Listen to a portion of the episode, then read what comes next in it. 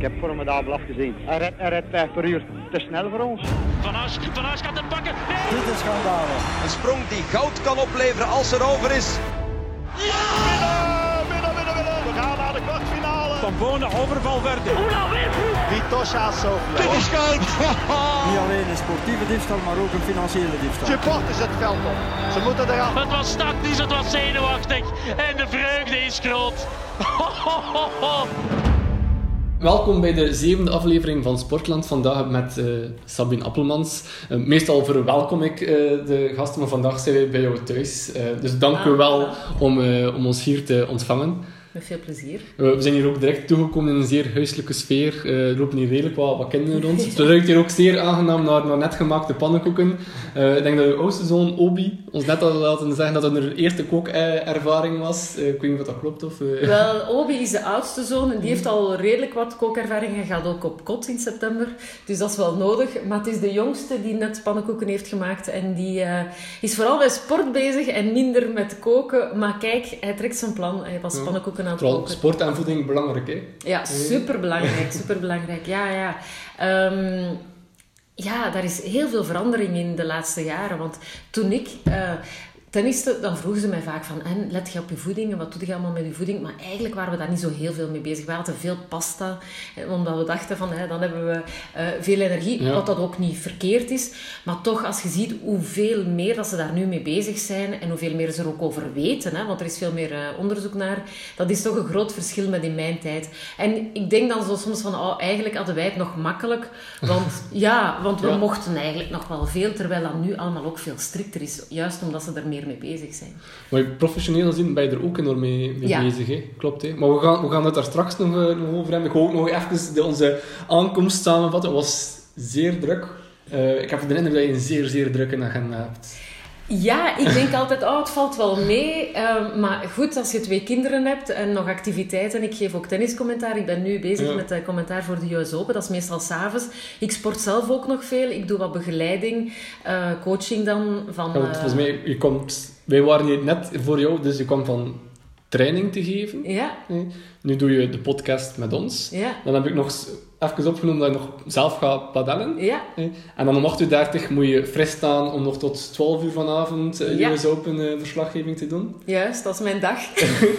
dat, dat, klinkt als een zeer, zeer drukke, drukke dag. Moet zijn dat je het graag doet, maar van waar haal je al die energie?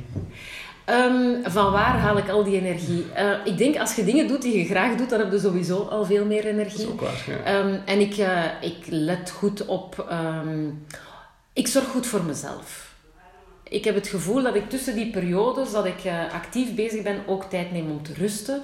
Uh, dat is iets dat ik meegenomen heb uit mijn sportcarrière. Ik merk ook dat veel mensen van alles willen doen, maar eigenlijk te weinig rust nemen. Ik doe dat wel. Ik neem ook momenten dat ik het uh, rustiger aan doe. En ook gedurende de dag kan zijn dat ik bijvoorbeeld straks in mijn auto dat ik een podcast opzet. ik, ik hou heel erg van podcasts trouwens. Um, en dat ik dan even tot rust kom. En dat kan zelfs op die korte 10 minuten, een kwartiertje ja. dat ik naar de, naar de sportclub rijd. Um, een zeer goede mindfulness. Ja, uh, maar ik ben daar wel bewust mee bezig. En ik, um, ik eet gezond. Ik probeer gewoon algemeen gezond te leven. Ik ben ook gezondheidscoach. Ja. Uh, maar gewoon omdat mij dat enorm interesseert. En ik vind het leuk om mensen ook te helpen om um, ja, ook die energie te hebben om van alle dingen te doen en leuke dingen te doen. Ja, ja dat klinkt, klinkt wel wat, wat, inspirerend. Maar het was al onze samenvatting een zeer huiselijke sfeer hier. Ja. en jij die het zeer, zeer druk Ja, er komen hier altijd veel vriendjes over de vloer. Maar we hebben een, uh, we hebben, ja, we hebben een mooi huis. Met ja, een mooie tuin. Mooie tuin. Een mooie, hele ja. mooie, mensen kunnen het niet zien, maar een uh, trampoline, een pingpong. De, wij dachten, of eigenlijk de Jelle, mensen kennen Jelle al van een andere aflevering, dachten er zal een tennisveld zijn. Nee, bewust niet. Nee, dat is, de vraag wordt mij ook vaak gesteld, maar ik vind, en voor mezelf was het ook zo, dat tennis een sociale sport is en ik vind dat dat hoort bij een club. Ja. En een tennisveld thuis, dan is het zo precies van... Um, ja, ik wil niet dat het zo het gevoel is van, ah, we gaan hier tennissen, dat het iets is van moeten. Ik wil dat het uh, plezier, plezierig blijft. Ja. En dat je naar een club gaat en dat je daar andere mensen tegenkomt en daarmee tennist. En dat is voor mij echt tennis. Zo is het voor mij ook begonnen. Ah ja, dat was, was ik, direct mijn volgende vraag. Hoe is het voor jou begonnen? Want iedereen kent het bekend fragment wel van uh, toen dat... Um, dingen de, de gouden schoen won. En dat dan Kim Kleisters vroeg, ik wil een tennisveld. Ja. Eh, maar bij jou is het op een club be- begonnen. Wel, het is eigenlijk bij de buren begonnen. De buren hadden een tennisveld. Mijn ouders waren helemaal niet zo sportief. De buren hadden een tennisveld en zeiden op een bepaald moment van ah, we zullen lessen organiseren voor de kinderen hier uit de buurt. En we zijn met een groep kinderen daar naartoe gegaan, naar die eerste tennisles. En ik was daar met mijn beste vriendinnetje, die linkshandig was. En we werden verdeeld in groepen, want er waren er te veel om in één les te steken. Ehm, en zij was linkshandig en we werden verdeeld, de linkshandige en de rechtshandige samen. Dat was de eerste eh, Verdeling. verdeling, ja. En ik ben bij haar gaan staan en die trainer vroeg aan mij van, zijn jij linkshandig? Ik was helemaal rechtshandig. eh, maar ik zei, ja, ja, ik ben linkshandig, omdat ik per se bij haar in de groep wou zijn. Ja. Dus ik ben linkshandig beginnen tennissen en ik heb de rest van mijn carrière linkshandig getennist. Maar ik ben volledig rechtshandig voor de rest. En eigenlijk, eigenlijk Ja. wa- was dat, was dan een, dat is dan de huishoudelijke sfeer dat we op de achtergrond... eh Ja, die was was- zeker geen, zeker geen probleem. Ehm ik ben dan eigenlijk heel even linkshandige tennister geweest. Maar dat was dan gewoon daar, want bijvoorbeeld Nadal is ook een linkshandige tennister, maar dat was de, de onkel, Ja. eh, Tony Nadal zeker. Die, die effectief zei van, jij moet links leren spelen, want dat ga je een voordeel geven op het uh, ten. Dat was, dus bij jou was het meer... Ja. Om- Bij Nadal was het echt een tactische keuze. Ja. Het was echt zo van, er zijn niet zoveel linkshandige tennisspelers en hij speelde alles met twee handen. Dus het is zeer bewust gekozen voor de linkerhand. Bij mij was het echt puur toeval, omdat ik bij die vriendin wou zijn in dezelfde groep. Ehm, en zo heb ik het eigenlijk ge- ge- aangeleerd gekregen en heb ik het altijd verder gedaan. Ik was dan ook vrij koppig, want mijn ouders zeiden dan op een bepaald moment, waarom speelde niet met de rechterhand? En ik zei, nee, nee, nee, ik heb nu zo geleerd, ik doe zo verder. Dus, ehm, Je bent het was ook nooit de bedoeling hè, om eh, topsporter te worden op dat moment. Ja. Ja. Wanneer is die omschakeling? Ik vraag dat eigenlijk bij aan de meeste sporters. Vraag ik, eh, wanneer is die omschakeling? Wanneer begin je te merken van... Tja, dat zit hier zeer goed. Er kunnen daar al iets professioneel mee, mee gaan doen. Ik was al vrij snel goed. Ik won al, al toernooien als ik 8, 9 jaar was. Ehm, en ik werd ook snel opgepikt door de tennisfederatie. Dus op mijn elfde had ik al zo eh, nationale trainingen van Ja, de tennisfederatie. En ehm, ja, meestal als op mijn elfde werd ik al uitgenodigd om naar de tennisschool te gaan. Eh, tennis en studie heette dat toen. En dat is nu eh, het, ja, de topsportschool van Tennis Vlaanderen. Ehm, die bestaat nog altijd. Maar ik was een van de eerste die daar eh, terecht is gekomen. En op die manier kon ik tennis en school combineren. En was dat ook ehm, financieel haalbaar voor mijn ouders. Want tennis is een heel dure sport. Als je elke dag eh, moet trainen en een coach moet betalen, dan kost dat enorm veel geld. Dus op die manier lukte dat allemaal. En dus ik had vrij snel talent. Maar om te zeggen, echt professioneel, dat denk ik dat dat pas een paar jaar later was. Zoals ik 14, 15 jaar was. Ik werd dan... Eh, op de Europese kampioenschappen speelde ik halve finale. Eh, dus ik was al bij de beste in Europa toen. En dan op mijn vijftiende werd ik Belgisch kampioen bij de vrouwen. Wat op zich ook al een, enorme prestatie was. En meer zelfs, ik speelde toen al eh, het, op het hoofdtoernooi van Roland Garros op mijn vijftiende. Dus dat is wel heel vroeg. Ja, de- heb je Ja. profdebuut gemaakt op je 15e of op je 17e? Ik weet het. eh. Mijn vijftiende. Ja, ja, dat was Ja. In, in 87 dan zeker. Ja, in 87. Ja, ik heb dat in 15, dat is super jong. Dat is echt... Dat is heel jong. Mm. Ja. Ik had het eigenlijk eh, in eh, een voorbereiding natuurlijk gelezen op Wikipedia en ik dacht van, ah, klopt, klopt dit wel? Want 15 is... Dat, is, dat, is, dat kom je tegenwoordig niet meer zo heel vaak tegen. Hè. Nee, omdat dat nu allemaal veel meer beschermd wordt. Ehm, Ze hebben gemerkt dan in die periode dat er toch een aantal meisjes heel jong heel goed waren, maar ook snel uitgeblust waren. Of waarbij dat de omgeving te veel pushte en waardoor dat ze op 16, 17 jaar dat het eigenlijk fout afliep. En om die speelsters een beetje te beschermen, of die jonge kinderen te beschermen, Ja, ja. hebben ze een regeling gevoerd dat je maar een aantal toernooien mag spelen tot je 16e, 17e, 18e en dan mag je volledig prof worden. Ehm, dus daardoor zie je dat het toch iets, vaak iets langer duurt eer dat die speelsters echt helemaal Misschien, misschien te, ten voordele van. Ja, er wordt ook langer getennist nu. Ze, de De carrières gaan langer ook langer. hè, mee. duren mee, ook langer. ja. Wel, ik wou, wou dat nog zeggen, en ik zei ook eh, onderweg naar hier, dat ik me ik wou excuseren ten opzichte van jou. Ik ben geboren in het jaar 92, dus ik ben nu eh, Ah ja, 27. Ik ken jou vooral als commentator. Ja. En ik wist dat je zelf ook getennist had. Ik heb nu pas ontdekt hoe, goed dat je eigenlijk nog, eh, nog was. Hoe groot dat jouw carrière eigenlijk nog geweest is. Dat was een beetje in mijn hoofd, was dat zeer vroeg getennist. En nu is ze commentator. Ah, ja. Maar je hebt eigenlijk een rijk gevulde carrière gehad. Hè. Ja, grappig. De mensen van eh, mijn generatie, die weten dat Mhm. nog en die, die kennen dat nog allemaal. Maar ehm, ja, ik was op mijn vijftiende al ehm, stond ik al op Roland Garros te spelen. Dus dat is wel eh, jong hè, om dan al het hoofdtoernooi te spelen. Eh, en vanaf dan is het zo wat begonnen. En dan op mijn 18 stond ik al in de top 50 van de damestennis. Ja. Op mijn 19 in de top 20.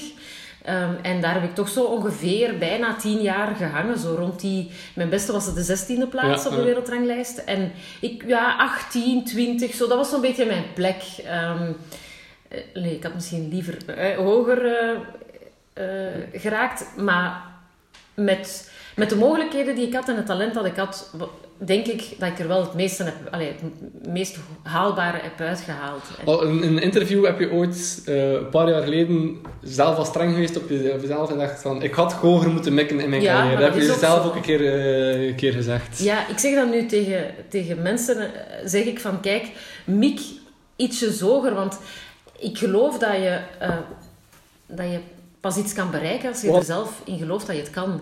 Als je al op voorhand het uitsluit van, ja, top 10 dat is sowieso te hoog gegrepen voor mij. Wat ik eigenlijk een beetje dacht in mijn tenniscarrière. Dan de kans dat ik het dan haal is ook veel kleiner.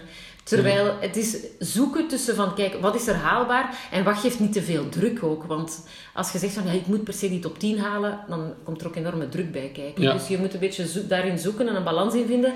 Maar leg die lat maar hoog genoeg. Ik was altijd iemand van, ah, kan ik dat wel en, en ben ik wel goed genoeg om dat te doen? Ehm, nu denk ik daar anders over. Maar goed, op dat moment ehm, weet ik dat als ik die lat te hoog zou gelegd hebben, dan zou ik met die druk niet omgekund hebben. Want ik vond dat een, van de moeilijkste zaken aan dat tennis eigenlijk ook. Die, De, de, de mentale, mentale ja, druk. de, de, ja, Ja, maar voor, voor de jongere kijkers, e- eventjes, ik denk dat je in alle Grand Slams ehm, Ja. de vierde ronde hebt gehaald. Ja. Eén keer de kwartfinale. Ja. Ook kwartfinale op de Olympische Spelen. ja, De, de zestiende plaats. Dat is, op dit moment is er geen één Belgische tennisser die in de top 20 staat. Ik denk Elise Mertens staat op plaats 28. ja, Eh, David heeft er wel gestaan. Ja. die heeft er wel gestaan. Ja, Ja. Flipkens heeft er ooit op nog op Ook. plaats 13 eh, Ja. gestaan in dat ronde jaar Wigmaier. 2013. Wikmaier ook heeft nog een halve finale. Maar eigenlijk, als je nou dat bekijkt, zeer constant van jou. Mhm. En ik, was, ik was een klein beetje onder de indruk en dan moest ik zeggen van ja... Is het een klein beetje voor jou een nadeel geweest dat vlak na jou, die omschakeling, Kim en Justine komen?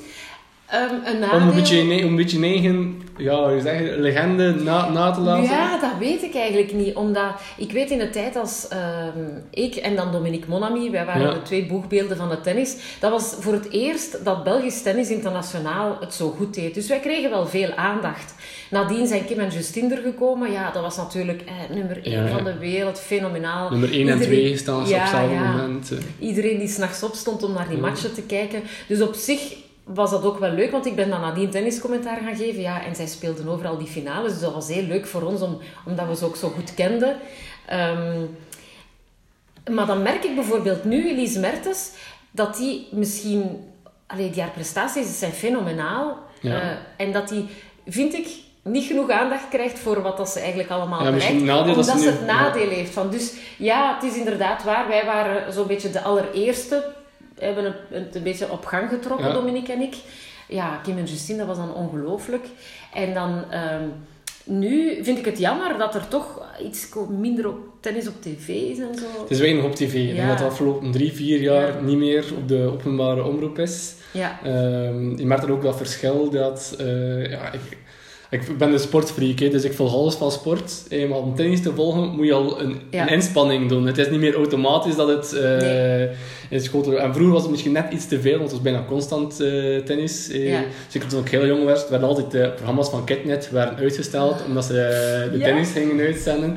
En op dat moment kon ik dat nog niet zo heel hard appreciëren. Maar ik vind het nu jammer dat tennis volledig eh, verdwenen is. oh, dat weet ik nog als ze in de commentaar moesten zeggen van... eh, ja, we gaan uh, Ketnet onderbreken. En wel, ik denk, denk tot mijn tien jaar heb ik altijd een spijtige zaak gevonden. eh ja, ik mijn programma wordt nu, wordt nu verzet. Ja, mijn kinderen vonden dat ook niet leuk. Oh, mama. Maar je hebt inderdaad ja, je hebt het voordeel dat je nooit bent vergeleken met die twee. En je hebt het nadeel dat door die twee... Ik denk dat jij getennist hebt tot 2001. Ja. Eh, en denk uh, Justine... Uh, Genaai heeft daar de profdebuut gemaakt in 1999 en Kim nog iets, iets eerder. Ja. Dat is zo... Ja, het is jammer dat je zo direct navolging hebt die dan nummer 1 en 2 van de wereld staat. Want mijn generatie, eh, ik, was dat, ik was dat vergeten. Ik wist het zelf eh, niet meer van hoe goed jij werkelijk Ja, maar ja, eh, zo gaat dat nu eenmaal. Hè. Weet je, die merks, je, allee, je kent die naam, maar je weet ook niet meer wat hij allemaal gedaan heeft. Maar dat is Ja. nog anders, dat is echt een legende. dat- dat is echt- dat is nog iets, Nee, nee, eh, dat is niet te vergelijken. Maar ik wil maar zeggen, zo zijn er nog veel sporters. Ja, Ja. Je wordt ouder en, en er komen er nieuwe. En uiteindelijk, ja... ehm, Hoe zou, hoe zou je de huidige generatie afwegen? Dus je hebt Elise Mertens, die nog redelijk jong is. Ja. Eh, ehm, en dan zitten we met vanuit ja, van, jij is ook nog redelijk eh, jong. En dan zitten we toch met een paar die, eigenlijk Flipkens, Wikmaier. Ja. Ehm, hoe zit het met de huidige generatie, denk je? Ja, je hebt er een paar die eh, redelijk naar het einde van hun carrière aan het gaan zijn, zoals Kirsten Flipkes, eh, Janina Wikmaier. En dan heb je um, Alison van Uitvank en haar vriendin Greetje Minne, die het nu goed doet. Hè, die in de Ja. komende jaren denk ik toch ook gaat doorbreken, die Grand Slams gaat spelen. Je hebt Isaline Bonaventure, die daar zo wat tussen, tussen hangt. Zo. Ehm, maar die ook haar eerste Grand Slam ervaring heeft gehad dit jaar. Eh, om nu te zeggen van, ja, zij gaat top 20 worden, dat is misschien te hoog gegrepen. Maar je moet rekenen, in tennis, als je die Grand Slams kan spelen en in de top 100 staat, dan heb je eigenlijk een mooie carrière. En dan kan je er ook van leven. Dan, eh, dan is het een, eh, een, een lucratieve Verdiensten. verdienste. Maar, maar ja. inderdaad, als je naar Wikipedia-pagina gaat, bij andere sporten zei dat niet, wordt er altijd hoeveel dat je verdiend hebt. Ja. Eh, dat is altijd ja, redelijk, redelijk veel. Ehm, maar ik denk dat ook mensen niet mogen vergeten dat volgens mij het tenniscircuit een heel duur circuit is. Of valt dat dan? Of is dat, ik denk altijd van, denk bij Kirsten Flipkens dat het ik ongeveer 4 miljoen euro is. Ja. Eh, maar ja, je moet ook je trainer constant Ja. eh, betalen, al die verplaatsingen, al die... Of is dat toch nog... Is dat, is dat minder duur op dat ik denk? Of... Het is, eh, je betaalt alle onkosten zelf en daar komt heel veel bij kijken inderdaad. Ook die reizen en die coaches. En, ehm, nu, hoe beter dat je bent, hoe meer je ook gesponsord wordt en hoe Ja. meer dat je materiaal krijgt en dat er eh, door sponsors tussengekomen wordt. Eh, zo is dat altijd. Maar het is een dure sport en als je niet in die top 100 staat, of als je niet die Grand Slam toernooien speelt, dan is het moeilijk om ervan te leven. En iedereen heeft altijd, ziet altijd maar van wat dat die winnaars krijgen in de Grand Slam toernooien. En, ehm, maar niet wat dat er eigenlijk... Ja, sowieso heb je al eh, per jaar... ja, ik durf het niet te zeggen, maar het, het zijn veel kosten. Je, reist de wereld rond, Ja. vliegtuigreizen en zo, die Ja. betaalt allemaal zelf. En die coach moet zelf betalen. Dus die- je hebt toch redelijk veel onkosten. Het is niet zo... Zeker in het begin van een carrière moeten vaak veel investeren eerst. En je weet niet of dat je het eruit gaat halen, hè. Ja, inderdaad. het is een duur, eh, je hebt zelf gezegd, het is heel duur om het te doen. En er zijn maar weinig die effectief in die top 100 eh Ja. geraken. Ik weet nog een bruggetje maken naar, naar de huidige generatie, de US Open, David Coffin. Mhm. Die lijkt een beetje terug van, van weg te zijn eh, Mhm. dit jaar. Ehm, ik denk dat hij ooit in de top 10 heeft gestaan, op plaats 9 of 8. Ja, net in Eh, de top 10. Net ja. in de top 10. Is dat zijn, zijn maximum? Ik denk als je de huidige generatie ziet, dat die er echt heel veel uithaalt. Als je ziet eh, die, die, die grote vier die niet te- bijna niet te kloppen zijn, dan heb je nog een aantal mannen daarachter, net daarachter die, die ook heel sterk zijn. Ja, en dan is het een beetje, ehm, hangt het een beetje af van de vorm. Hè. Als je in vorm Ja. bent en, en je bent goed bezig, dan, dan kan hij oprukken naar die top 10. Eh, maar om te zeggen van ja, nog hoger, top 5 en zo, ik denk dat dat op dit moment, zolang eh Federer, Nadal, Djokovic, eh, die mannen rondlopen, is het heel, heel moeilijk, denk ik, om die... In onze vorige aflevering hebben we het uitge- uitgebreid gehad over eh, die drie. Want eh, mijn sportfragment van deze zomer eh, was de Wimbledon-finale. ja, Dat was adembenemend. Ja. Tennis op hoog niveau van minuut 1 tot, ik denk, hoe lang is het? 5 uur en half of 4 uur en half getennist. Ja, Ik weet het niet meer exact, maar dat was prachtig. Hoe komt dat dat die drie, ondertussen toch ook niet meer zo jong, dat blijven domineren? ze steken er gewoon bovenuit. Eh, Dat is heel, heel straf en we gaan dat misschien nooit meer meemaken, maar ze steken er net altijd een tikkeltje bovenuit qua, eh, qua fysiek, qua techniek, qua mentaliteit op de baan. Eh, op alle gebieden hebben ze net dat tikkeltje meer en daardoor verliezen ze ook weinig matchen. Dus ze Ja. zijn gewoon zo moeilijk te kloppen, omdat ze altijd wel, als ze, waarschijnlijk als ze zich fysiek wat minder moe, eh, goed voelen, kunnen ze dat compenseren met, met die, die ongelooflijke mentaliteit en die, die techniek. Dus ja, ze hebben altijd dat tikkeltje meer. En, en Nadal is natuurlijk fysiek een beest. En, en Ja. die speelt ook minder eh, toernooien en zorgt ervoor dat als hij speelt, dat hij in, in vorm is. Dan zie je dat ze zo vooral beginnen snijden in het toernooi. Ja, ja. ja, is het, is het... Generaties kan je heel moeilijk vergelijken met elkaar, maar is het zo uitzonderlijk? Er- De vorige tennisgeneraties, ik ben van 92, ik, ik weet dat allemaal niet, niet zo Ja. heel goed. Nu zitten we met... Zij, zij dan net de grote vier, dan denk ik dat je dan Andy Murray er nog eh Andy Murray bij stak. Ehm, Bijrekenen, ja, we spreken er nu niet over, omdat onder hij die- eh, eh, eigenlijk bijna verdwenen was van het circuit. Maar eh, hij is terug aan het tennissen en, en we hebben zelfs heel goed nieuws, want hij gaat in Antwerpen spelen. ja, ja, ik heb het Ja, deze, gaat, deze week is het Ja, bekendgemaakt. hè. op de European in Antwerpen spelen. Dus dat is wel voor de tennisfans heel leuk om, om hem bezig te kunnen zien. Want hij gaat waarschijnlijk ook niet meer zo lang meedraaien. Ik denk voor veel tennissers, volgend jaar is een belangrijk jaar, Olympische Spelen. Is dat een, eh, een moment dat ze wel eens een keer nadenken Ja. van, ja, gaan Zou, zou Tokio eh, het einde kunnen zijn voor Federer? Dat kan. Ja, ah, dat, is onze, dat is onze voorspelling in de vorige Ja, maar dat is, podcast geweest. dat, is bij, ja, dat is bij de meeste mensen denk ik wel de voorspelling. Maar hij zelf doet er geen uitspraak over. En hij is de enige die het kan weten. Ja. En ik vind... Maar je kent niet zo graag. Je ziet dat gewoon, Ja, dat gewoon aan voilà. hem. Dat hij... Ik vind het ongelooflijk hoe lang hij al meedraait. En ik dacht zo een jaar of drie geleden dat hij ook zo is, even een mindere periode. En toen dacht ik van, ja, die, die gaat ermee stoppen. Die heeft vier kinderen intussen. En die, heeft toch wel, die kan zoveel andere dingen gaan doen. En nee, hij blijft spelen en hij doet het ongelooflijk graag. En ehm, ik zou ook durven zeggen van, ja, dat wordt zijn eh, eindstation. Mm, Die, die spelen en dan misschien nog een paar toernooien eh, om uit te bollen. Ja. Maar... ehm, Ik denk dat hij wel iemand is die op circuit zal, zal blijven. eh, zoals Kim Kleister ook altijd in het circuit. Als die exhibitiewedstrijden... ehm, Ik weet het niet. Ik weet het niet. Ja. Ja, dat, je- dat weet ik eigenlijk niet. nee? Maar de eerste jaren, ik denk, eh, als je zo goed geweest bent, is het die klik maken tussen ehm, spelen puur voor het plezier en voor het entertainment van de mensen en spelen voor iedere match te winnen. Dat is geen gemakkelijke klik om te maken. Ik weet niet of dat Federer dat snel gaat kunnen. Ja, misschien. Als je nu... Naar welke van de drie ga jouw voorkeur? Zo als, Ik ben- als echt... Ik ben altijd een grote Federer van geweest. Ik heb heel veel ehm, respect ook voor, voor Djokovic. Zeker ook omdat hij, als je ziet wat, allee, dat hij ook een moeilijke periode heeft meegemaakt, dat, van waar dat hij allemaal teruggekomen is. En dat al hetzelfde fysiek dan. Bij Djokovic was het meer ook, ook mentaal en zo. Ja.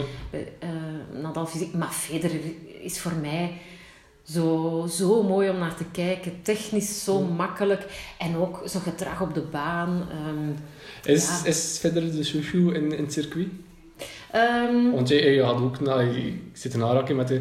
Ik heb altijd het gevoel dat Federer de meeste fans heeft. Ja, maar ja, die anderen ook wel. Allee, ik vind in tennis, die, die topspelers, dat zijn echt wel ambassadeurs voor de sport. En, en goede ambassadeurs. Want ook Nadal, dat is zo iemand die geen enkele aantekening zal weigeren, bij wijze van spreken. Is heel vriendelijk tegen iedereen. Djokovic hetzelfde, probeert regelmatig de fans te betrekken bij zijn... eh, Ja, ja, ja. eh, dingen dat hij allemaal doet.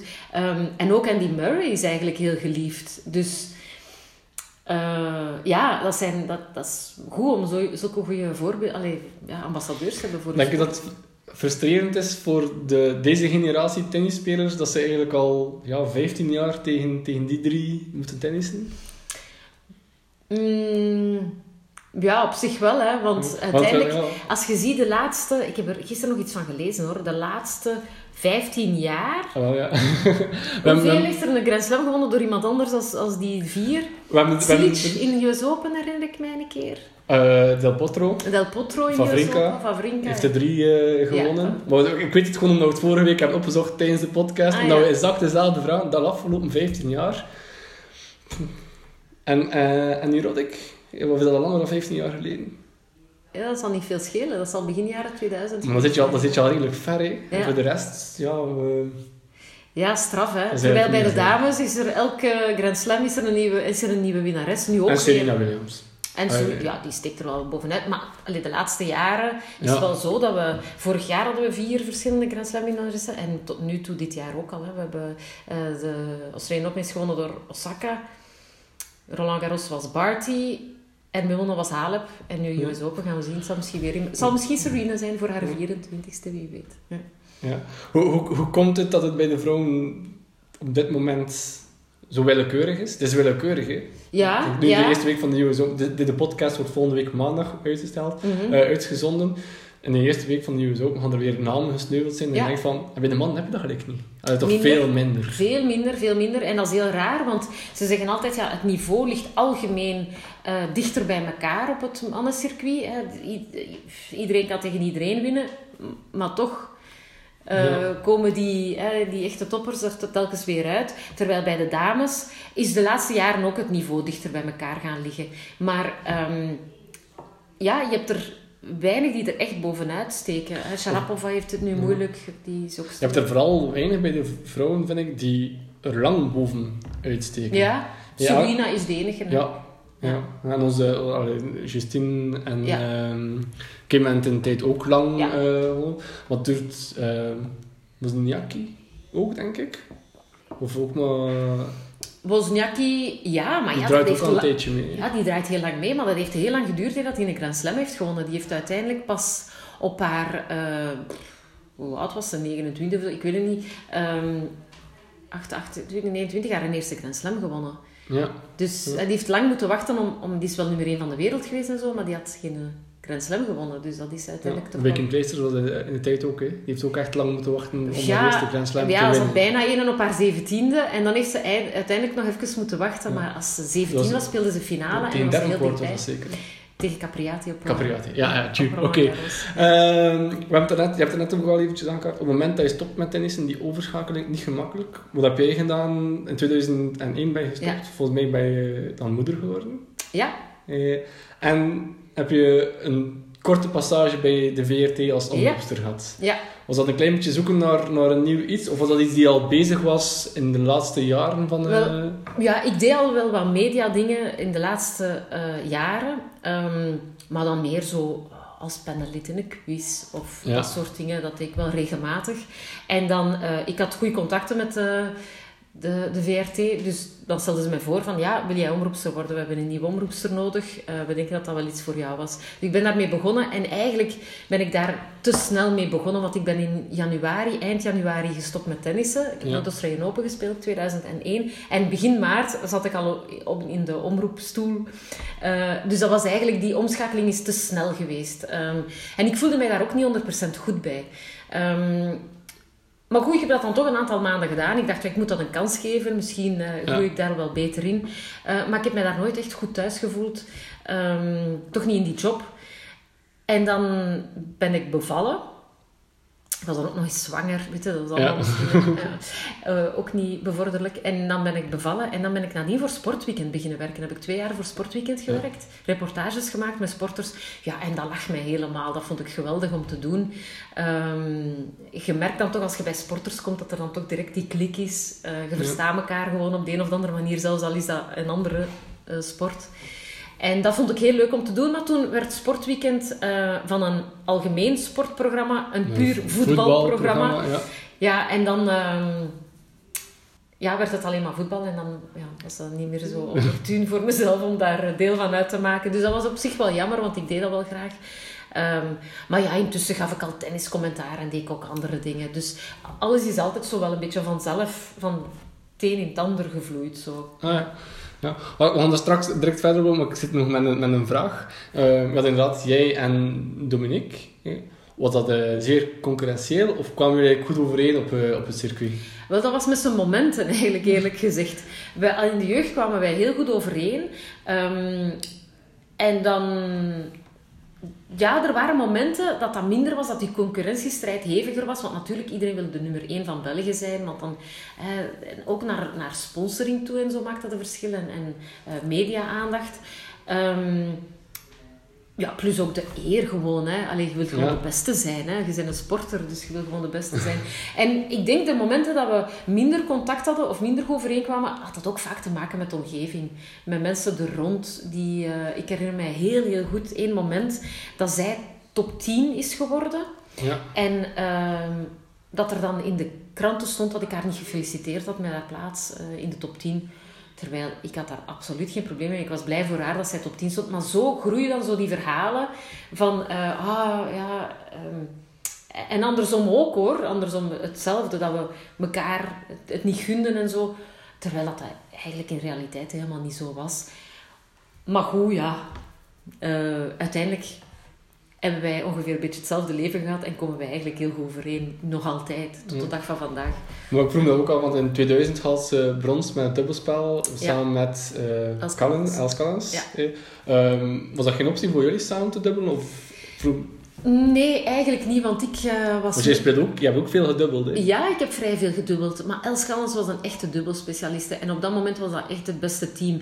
Ehm Els Callens was nog beter in dubbel dan ik was. Ja. Ehm, en dat was de meest logische combinatie. Die hadden daar ook speciaal voor getraind. Als je alle twee ook enkel speelt, is het niet altijd gemakkelijk. Om, eh, en Els heeft zich daar echt op toegelegd toen op dat dubbel. Ze speelden ook enkel. Maar die, eh, ja, die, die hebben daar echt wel met hun twee echt naartoe gewerkt. Ja. Ja.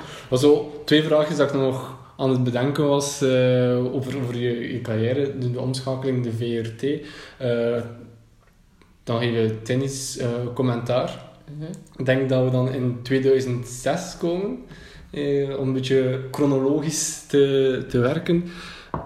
Je wordt daar het gezegd van een tennisreisbureau of tenniskampen in eh, Turkije. ja, Eh, En drie jaar later komt er dan het nieuws dat dat zeer slecht verloopt. Wat is er daar gebeurd? Hoe is dat eigenlijk afgelopen? Want ik heb nog verder zitten zoeken in de voorbereiding en ik weet eigenlijk zelf niet hoe dat precies is afgelopen. Of hoe zat dat verhaal nu eigenlijk helemaal Wel, geweest in De bedoeling was eigenlijk, het was een project waarbij er daar ehm, een tennisresort werd gebouwd. Dus appartementen met heel veel tennisbanen. En alles eigenlijk om daar tenniskampen te organiseren. En dat was altijd iets na mijn carrière dat ik zei van, ah, dat zou ik nog wel graag doen. Eh, om zo te zeggen van, ja, ik ga in een tennis, zelf een tennisschool hier in België oprichten waar ik dan elke dag moet zijn. En eh, dat zag ik niet zitten. Maar ik wou wel dat tennis eh, voor een stukje doorgeven. En ik wou daar wel nog mee bezig zijn. Eh, dus die tenniskampen in het buitenland, dat zag ik zeker zitten. Dus eh, uiteindelijk eh, is er eh, een, wel, zijn er zo projectontwikkelaars naar ons toegekomen Ja. samen met een Belgisch bureau van kijk, we willen dat daar doen, we gaan dat tennisresort eten, wil jij daar die kampen geven en ehm, ah, we gaan daar iets, iets bouwen. En dus ik ben daar het gezicht van geworden, ik heb daar zelf ook in geïnvesteerd. Ja. Ik heb daar toen een aantal appartementen in gekocht, als investeerder dan. En dan helemaal op het einde, als dat project bijna af was, ehm, bleek dat die projectontwikkelaar in problemen zat. En ja, hier in België is dat in een tijd ook nog gebeurd, maar nu is er een wet breinen waardoor dat, dat, eh, dat, dat, dat niet kan, hè, dat, dat dingen niet afgewerkt worden. Ja. Maar daar in Turkije eh, ja, was dat blijkbaar een heel ander verhaal. En die man die had dan oh, via verschillende constructies toch geprobeerd van dat zo lang mogelijk eh, te trekken. Maar eigenlijk zat hij in fin- financiële problemen, heeft hij het project niet kunnen afwerken.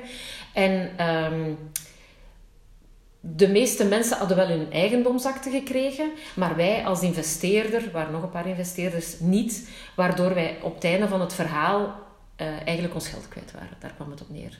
Dus ik had geen eigendomsakte van die appartementen dat ik zogezegd daar gekocht Ja. had. En ik had ook... ehm, ja, het was niet helemaal af. Het was eigenlijk niet, niet werkbaar, dat resort. Dus uiteindelijk is dat heel slecht afgelopen en, en ben ik daar mijn geld kwijtgeraakt. Ah, ja, omdat ik zag in het artikel dat ik las, werd dan in 2009 volgens mij jouw man aangesteld als de bemiddelaar. Ja. in- Ja, ja, omdat hij was er al bij betrokken. Hij, mijn man was eigenlijk al betrokken bij het ganse project en de opvolging van het project. En, en ook dat alles zo goed zou verlopen. Maar goed, ja, als je met mensen te doen hebt die slechte bedoeling... Allee, ik weet niet of dat er van in het begin slechte denk dat het gewoon een faillissement was van, van het bedrijf. hè. Ja, ja. ja. Dus, je, Dus en dan was de bedoeling van, ja, gaan we dat hier nog kunnen proberen te redden? Maar het probleem was, ja, dan moeten we er nog eens geld gaan insteken. En je weet niet van... En je zit daar ook buiten Europa. Allee, dat is allemaal niet zo evident. Ehm, ja. Dus uiteindelijk heb ik ook zelf gezegd van... Ik vond dat, dat was een heel moeilijke periode. Ik vond dat heel lastig en ik wou dat ook afsluiten. En ik heb gezegd van... Ik sluit het liever af dan dat ik er nog eens een keer probeer gaan geld in te pompen. En dat was allemaal negatieve energie. En ik had dan liever van, kijk, ik ben het kwijt en eh, ik sluit het hierbij af. Het ergste wat ik vond, was ook dat er veel Belgen daar appartementen hadden gekocht. Ja. En die dan ook het vertrouwen hadden in het feit dat, ja, dat ik daar het boegbeeld van was. Ja, ik En- denk, ik denk ook een beetje de dag gaan van, eigenlijk heb je daar zeer weinig mee te maken, want eigenlijk ben je volgens mij gewoon aangesteld als ja, eigenlijk ambassadrice of iemand die reclame maakt Ja. eh, voor iets. En toch gaan mensen dan zich bekocht voelen door jou, terwijl je daar eigenlijk niet... Dat viel eigenlijk mee. Eigenlijk, eh, want ja, zij hebben ook die contracten gemaakt met dat bureau in België, Ja. die dat dan ook eh, verkocht, hè, die appartementen. Dus zij wisten dat ik daar eh, het boekbeeld van was, dat ik daar tenniskampen zou geven, maar zij hebben niet bij mij het appartement gekocht of zo. Een beetje water. Ja, graag. Dus dat viel eigenlijk wel mee. Ik denk dat iedereen ook wel wist van ja, hoe het juist in elkaar zat. En iedereen wist ook dat ik zelf ook slachtoffer was. Ehm, dus op, Ja. op dat gebied viel dat eigenlijk... Ik vond het zelf vooral lastig. Omdat ik eh, eh, mij eigenlijk daarin ja, voor een stuk ook had laten meeslepen in dat verhaal. En ik ben iemand die normaal niet graag risico's neemt of niet zo... En ja, je, ja, je denkt dat het goed gaat aflopen, maar het was niet goed afgelopen. Ja. Ja. We zijn dan opnieuw tijdsprong naar zes jaar later. hè. Dan heb je toch in eigen onderneming eh, gestart. We het er al in het begin al over gehad. Functioneel trainen dat je, Ja. dat je geeft. Eh, ja, ik ben even snel vergeten. Het begint met een B. Eh, het bedrijf dat je nu hebt. Of is dat niet... Wacht, ik had het direct Hmm. op papieren. Eh, nee, No- Noza. Ah, Nisa. Of is dat dan ah, niet? ja, maar dat is, dat is nog iets anders. Eh, Dus, Voor mij was het niet volledig duidelijk. Bij Noza sta je als personal trainer, maar je hebt ook een eigen onderneming. eh, Ja, nee, maar ik heb gewoon, ik heb altijd een, een, een, eh, een ja, ik heb altijd ook als ik tenniste, was dat onder mijn eigen naam, Ja, mijn ah, ja. Zo gezegd. Ja, ja oké. ja. Ja, nee, maar ja, Noosa, dus ehm, ik heb in de jaren nadat ik gestopt ben met tennissen eigenlijk bijna, bijna constant opleidingen gedaan. Ik heb eerst trainer B gedaan, dan eh, gezondheidscoach eh, drie jaar, dan functional training, wat, eh, personal training. En ehm, ik deed iedere keer maar opleidingen bij, maar op een bepaald moment dacht ik van ja, nu moet ik daar ook eens iets mee mee gaan doen. doen. Ja, en wat was eigenlijk mijn droom was ehm, om via dat bewegen en via die gezonde levensstijl ja, meer mensen te bereiken en mensen daar ook mee te helpen voor een stukje.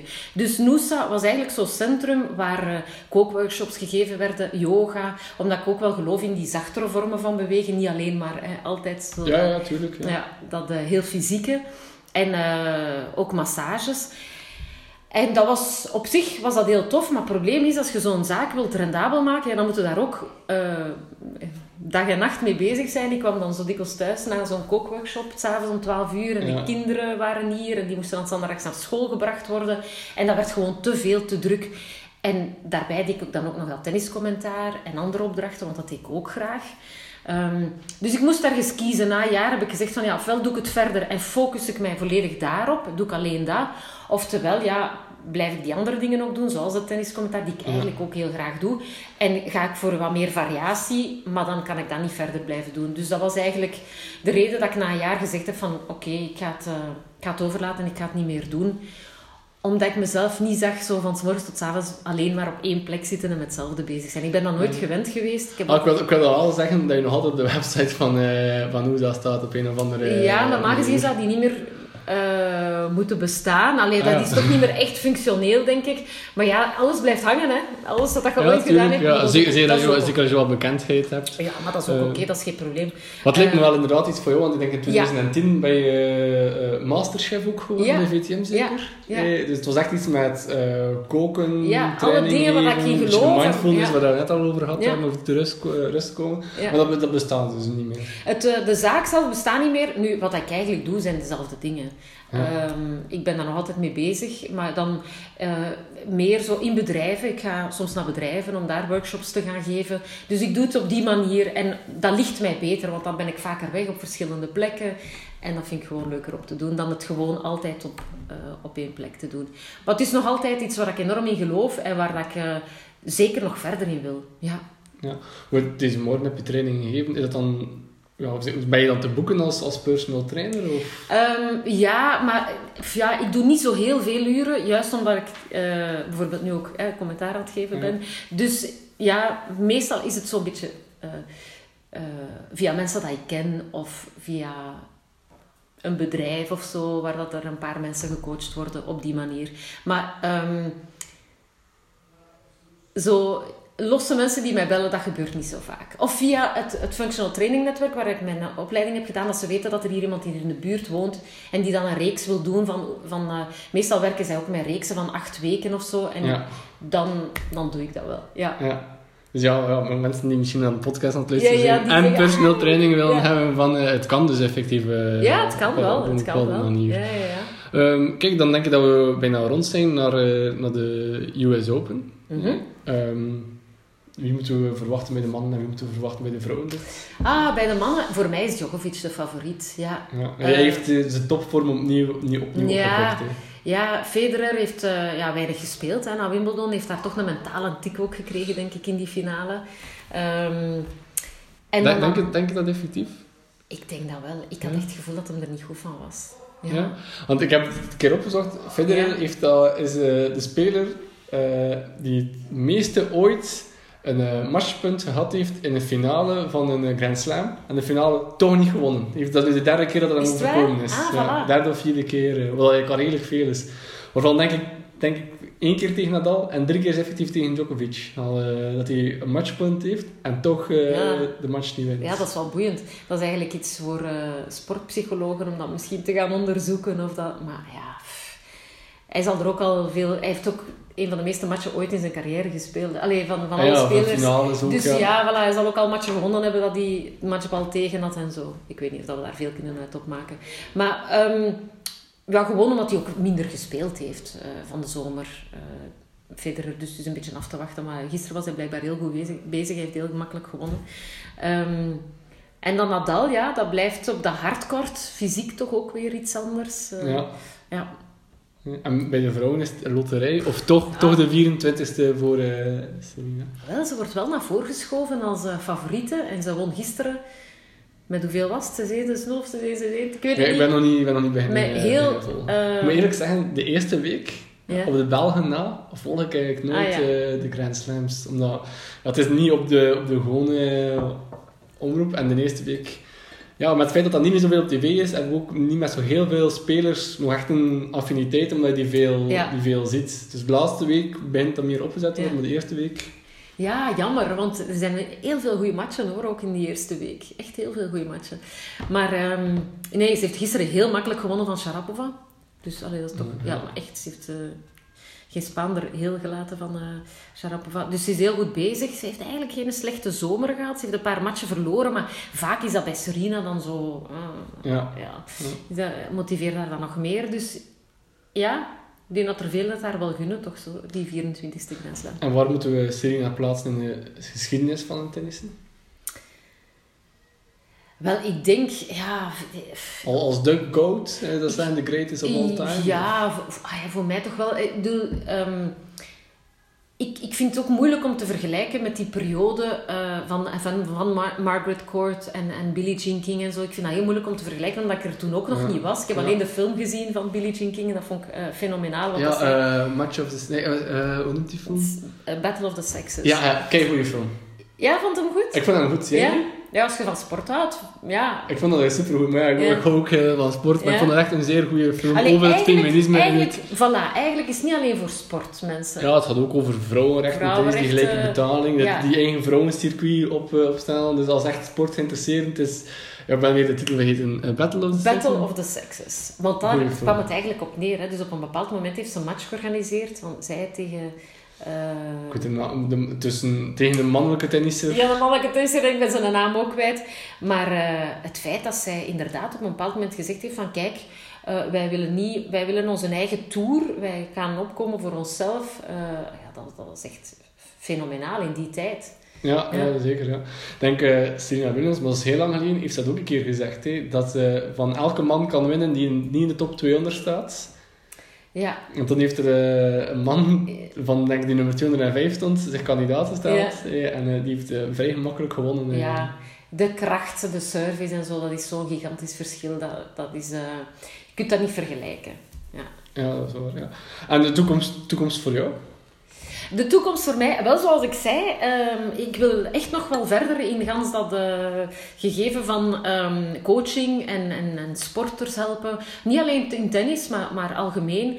Ehm, en zo ja, mee zijn met de laatste nieuwe technologieën op gebied van eh, alles wat dat voeding is en wat dat eh, bewegen is. En wat er, is, staat veel te gebeuren op dat gebied ook, ook qua monitoring en zo. Dat is Ja, eigenlijk heel, eh, ik, denk, ik, ik draag ook mijn Fitbit. ja, dat is eh, heel, heel boeiend allemaal, maar er, zijn, er staat daar wel redelijk wat op te... ge- eh, ja, en ze, ze weten ook veel meer ook zo van, naar voeding toe, van eh, onze darmen eh, die, die gezond moeten zijn, die belangrijk, dat, dat testen van, dat, van eh, die goede darmbacteriën en zo. Alleen je kunt ook veel dingen, eh, ziekte voorkomen, denk ik, door gewoon op een aantal dingen te letten. En, en dat, vind ik boeiend, dat vind ik heel boeiend om daarmee bezig te zijn.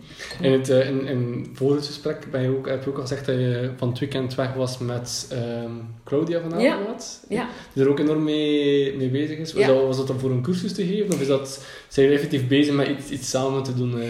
Wij organiseren samen retreats in eh, de Ardennen. Dat zijn zo driedaagse. Ja. Eh, en dan, er waren een groep van 16 vrouwen. Op de een of andere manier zijn het allemaal vrouwen, maar het, is, het staat ook open voor mannen.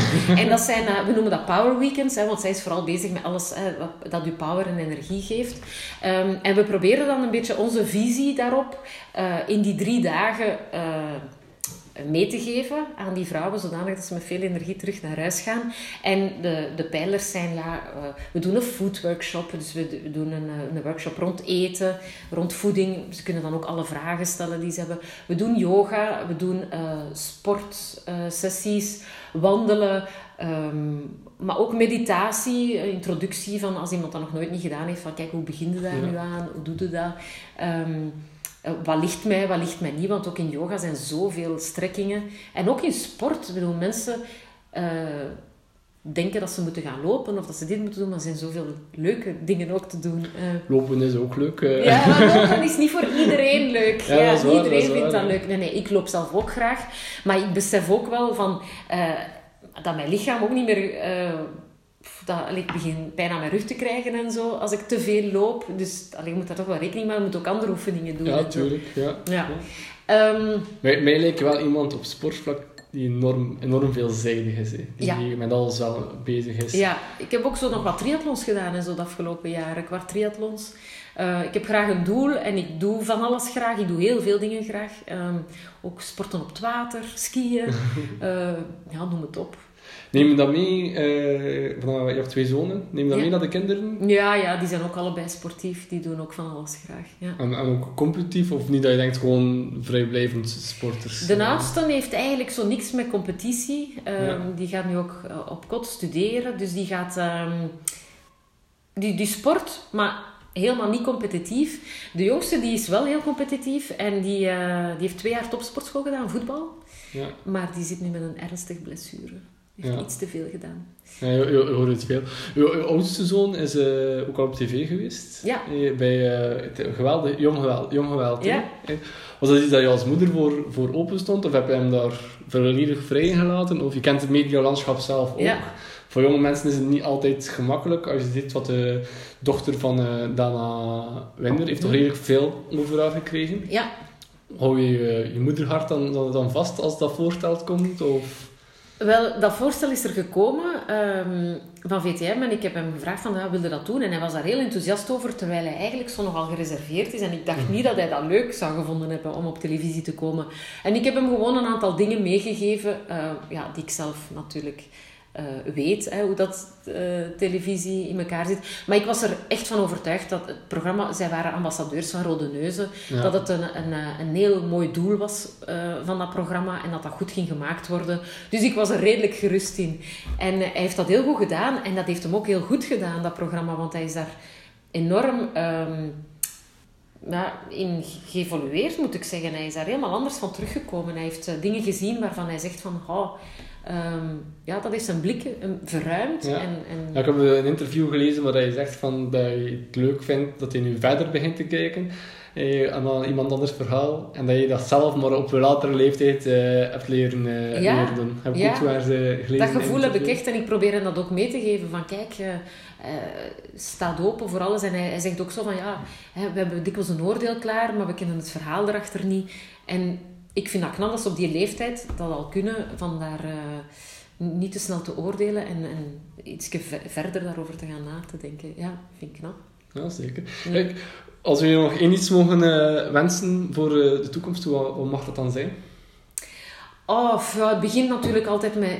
ja, ik wil graag gezond en gelukkig oud worden. En ik wil op mijn tachtigste nog... ik zag eens een reportage van een vrouwke van 80 die eh, op zondag ging joggen en 50 joggers achter haar mee had. En, en dan dacht ik, oh, dat wil ik ook.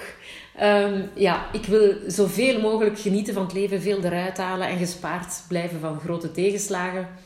En... eh, Kijk, en ik weet dat leven... ik, weet, ik, ben, ik, ben, ik weet dat leven niet altijd... Hè, het, is al, het is soms moeilijker en soms makkelijker.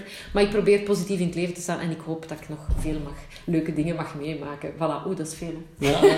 Kijk, maar we wensen het allemaal toe en eh, we wensen ook een, goede padelpartij Ja, ja, ja. deze namiddag. Ik ga En, meedoen eh, aan de... eh, wacht, ik ga meedoen aan de Belgische kampioenschappen. Maar ik ben nu niet zeker of dat ik nu nog junior veteraan ben of dat ik al veteraan ben. Plus bij- bij- 45, ik weet Ah het ja, niet. bij, bij, bij het lopen ben je veteraan vanaf je 35ste. Oh my god. dat, is bij, dat is bij het Ik denk lopen. dat ik ook eh. bij de veteranen zit. Dus eh, ja, een nieuwe padelcarrière, nee, dat zit er niet aan te komen. Maar ik amuseer mij zo met die padel, dat is ongelooflijk. Voor het eerst sinds dat ik gestopt ben met tennis, heb ik een sport gevonden die ik zo leuk vind. Want ik doe van alles graag, maar eh, dit vind ik, ik sta de hele tijd te lachen. Ik heb, het nog, nooit- ik heb het nog nooit gedaan eigenlijk, eh, maar het is een enorme rage. Ja. Eh, en ik, ik weet het zelf niet zo. Het is eigenlijk tennis met kleine raketjes toch, of niet? Ja, het is met zo van die meer houten, zonder snaren, Ja. raketjes, padelraketjes. En ehm, dus je mocht ook de wanden gebruiken. De bal moet eerst botsen, maar dan mag je Ja. ook tegen de wand botsen. Oké, ja, ik ga dan, nu, nu dat ik er zo enthousiast ben, ga ik het misschien toch een keer eh, Wel, het is proberen. minder eh. technisch als tennis. Het is fysiek iets minder zwaar, alhoewel dat je ook wel goed beweegt. En je moet veel draaien en zo. Maar je moet minder lange afstanden afleggen, want het veld is veel kleiner. En je speelt altijd dubbel, altijd met vier. Dus het is ook een heel sociale sport, eh, vind ik zelf. En ook wel competitief en uitdagend. Dus ja, het zit zo wat alles in dat ik wel leuk vind in een sport. Ja. Kijk, we wensen je een goede partij en, eh, en, bedankt. hè. Graag gedaan.